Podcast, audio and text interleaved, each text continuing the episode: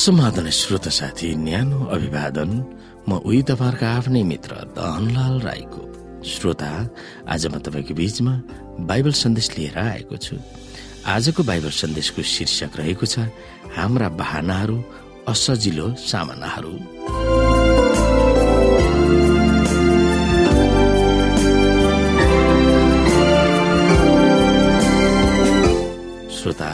परमेश्वरले निनबेलाई ध्वस्त नपार्नुहुँदा उनी परमेश्वरसँगै जङ्गिए अनि आफ्नो दुखेसो पोखाए। तर योनालाई साह्रै मन परेन र तिनलाई रिस उठ्यो।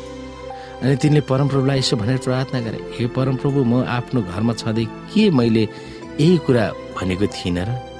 यसै कारणले त म तर्सिसमा भागेर जान मैले आतुरी गरेको थिएँ।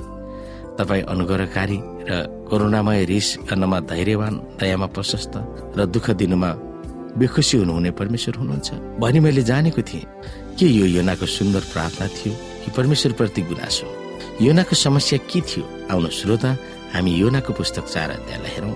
तर योनालाई यो साह्रै मन परेन र तिनलाई रिस उठ्यो। अनि तिनले परमप्रभुलाई यसो भनेर प्रार्थना गरे हे परमप्रभु म आफ्नो घरमा छँदै के मैले यही कुरा भनेको थिइनँ? यसै कारणले त म तर्सिसमा भागेर जान मैले आतुरी गरेको थिएँ। तपाईँ अनुग्रहकारी करुणामय रिस गर्नमा धैर्यवान दयामा प्रशस्त र दुःख दिनुमा बेखुसी हुने नै परमेश्वर हुनुहुन्छ भने मैले जानेको थिएँ। अब हे परमेश्वर मेरो प्राण लिनुहोस् किनभने मेरो निम्ति बाँच्नुभन्दा त मर्नु नै असल छ। तर परमप्रभुले जवाब दिनुभयो के रिस गर्न तिम्रो हक छ र? तब योना सहरबाट निस्केर त्यस सहरका पूर्वपट्टिको एउटा ठाउँमा गएर बसे। तिनले त्यहाँ एउटा छाप्रो बनाए र त्यस सहरलाई के हुँदो रहेछ भनेर सो हेर्नलाई त्यसैको छायामा बसे। तब परमप्रभु परमेश्वरले एउटा लोका उमार्नु भयो र योनाको शिरमा त्यो छाया होस् र तिनको दुःख हराउनुहोस् भनेर त्यसलाई बढाउनु भयो। यसैले लोकाको कारण योना अत्यन्तै खुसी भए तर भोलिपल्ट बिहान उच्यालो हुँदा परमेश्वरले एउटा किरालाई हटाउनु भयो र त्यसले त्यस लोकालाई खाइदियो र त्यो ओहिलाई हाल्यो। सूर्य उधाएपछि परमेश्वरले पूर्वदेखि पिड्ने बतास चलाइदिनु भयो। यतिसम्म कि घाम टन्टलापुरसित योनाको टाउकोमा पर्यो र तिनी मुर्छा पर्यो र मर्ने इच्छा गरेर भने मेरो निम्ति बाँच्नुभन्दा त मर्नु नै असल छ। तर परमेश्वरले योनालाई भन्नुभयो के लोकाको कारण रिसाउनु तिम्रो हक छ? तिनले भने मेरो हक छ। म मरुन्जेलसम्मै रिसाउँछु। तर परमप्रभुले भन्नुभयो तिमीले नस्याहारेको अथवा नौमारेको यस लोकाको लागि यति चिन्तित भयो एकै रातमा बढ्यो र एकै रातमा नष्ट पनि भयो। तर निनबे सहरमा एक लाख बिस हजार भन्दा बढ्ता मानिसहरू छन् जसले दाहिने र देब्रे हातै चिन्न सक्दैनन् र त्यसमा धेरै गाई वस्तुहरू पनि छन्। के मैले त्यस ठुलो सहरको निम्ति फिक्री नगरौँ? परमेश्वरले सुसमाचार सुनाउन पठाउनु भएको देशका मानिसहरूप्रति योनाको पूर्वाग्रह मात्र होइन उनको घृणा पनि थियो। निनबेको अन्त्यको बारेमा आफूले प्रचार गरे र परमेश्वरले त्यसलाई नाश गर्नु भएन तब योनाले आफूलाई ठुलो बेज्जत भएको महसुस गरेका थिए। आफ्नो प्रचार असफल भएको उनले महसुस गरेका थिए। आफ्नै इज्जतमा धक्का लागेकोले बाँच्नुभन्दा मर्नु नै जाति भनेर परमेश्वरलाई धकुर्की सुनाएका थिए। निनबे पनि सदम र गमराको गति भएको उनले चाहेका थिए। ती हिंस्र कठोर र महापापीहरू घृणित मानिसहरूमाथि परमेश्वरको दण्ड परोस् भन्ने योनाले चाहेका थिए। तर जब उनले सुनाएको सुसमाचार निनबे नाश गर्नु भएन तब योनाको विश्वास भित्रैदेखि अत्यन्तै खलबलिन थाल्यो।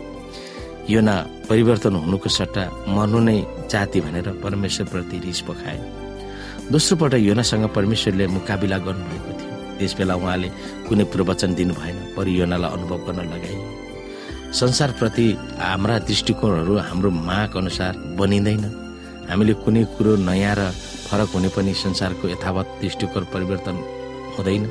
हामीमा भएको संसारप्रतिको दृष्टिकोण प्राय जसो हाम्रो जीवनको अनुभवमा निर्मित हुन्छ र परिवर्तन हुन्छ। हामीमा भएका दृष्टिकोणहरू हामीले नै कसरी व्याख्या गर्छौँ र बुझ्छौँ संसारलाई कसरी हेरिन्छ त्यो अरूहरूको भरमा हामी पर्दैनौँ तर हाम्रै भरमा पर्दछ। जुन नयाँ अनुभव परमेश्वरले योनालाई दिनुभयो त्यसले संसारप्रति भएको उनका बिग्रिएको दृष्टिकोणलाई उनले महसुस गरून् भन्ने अवसर परमेश्वरले दिनुभएको थियो। रिसले जुरुमुराएर पहाडको टुप्पोमा योना बसेका थिए। र स्वर्गबाट आगो वर्षेर निनबे भस्म होस् भनेर उनी पर्खिरहेका थिए। तब दिनको टन्टलापुर घाममा उनलाई छाया दिन परमेश्वरले एक दिनमा लोकालाई उमारेर त्यसको पातले उनको छारी ढाक्न लगाउनु भएको थियो। त्यसप्रति योना आभारित भएका थिए। तर परमेश्वरले आश्चर्य काम गरेकोले त होइन तर बिरुवाप्रति यो त आफैले नरोबिकन अचम्म तरिकाले उम्रेको भनेर उनले सोच्न पनि पुगेन। तर आफूले राम्रो काम गरेकोले आफूले उचित आशिष पाएको भनेर उनले आफूलाई स्याबासी पो दिन थालेका थिए। जब बिरुवा मर्यो तब आफू अभागी भएको योनाले महसुस गरे। परमेश्वरसँग उनी रिसाए र आफ्नो इज्जत गुमेकोले आत्महत्या गर्न उनी सोच्न पुगेका थिए। तर परमेश्वरले सुरिलो र नम्र मिजाज योनासँग बोल्नु भएर उनलाई उहाँले सच्याउन चाहनु भएको थियो। निनबेका हजारौं पुरुष महिला बालबालिका पशुहरूको मोल भन्दा पनि लोकाको बिरुवालाई उनले बहुमूल्य ठान्नु कस्तो मूर्खता रहेछ भनेर परमेश्वरले उनलाई सिकाउन चाहनु भएको थियो। अन्त्यमा श्रोता योनाले पश्चाताप गरे वा आफ्नो मन परिवर्तन गरे भनेर योनाको कथा समाप्त भएको छैन। तर नसिद्धिएको कथा नै हाम्रो निम्ति निर्णायक विषय हो। संसारमा भएका दुष्टहरू निरङ्कुश दमनकारी मानिस वा शासकहरू सुसमाचार सुन्न नपाएको मानिसहरूप्रति परमेश्वरको चासो वा धारणालाई हामीले कुन दृष्टिकोणले हेर्न सक्छौँ?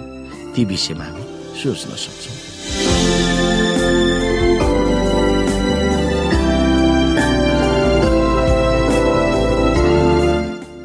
श्रोता साथी आजको लागि बाइबल सन्देश यति नै। हस्त नमस्ते जय मसिंह।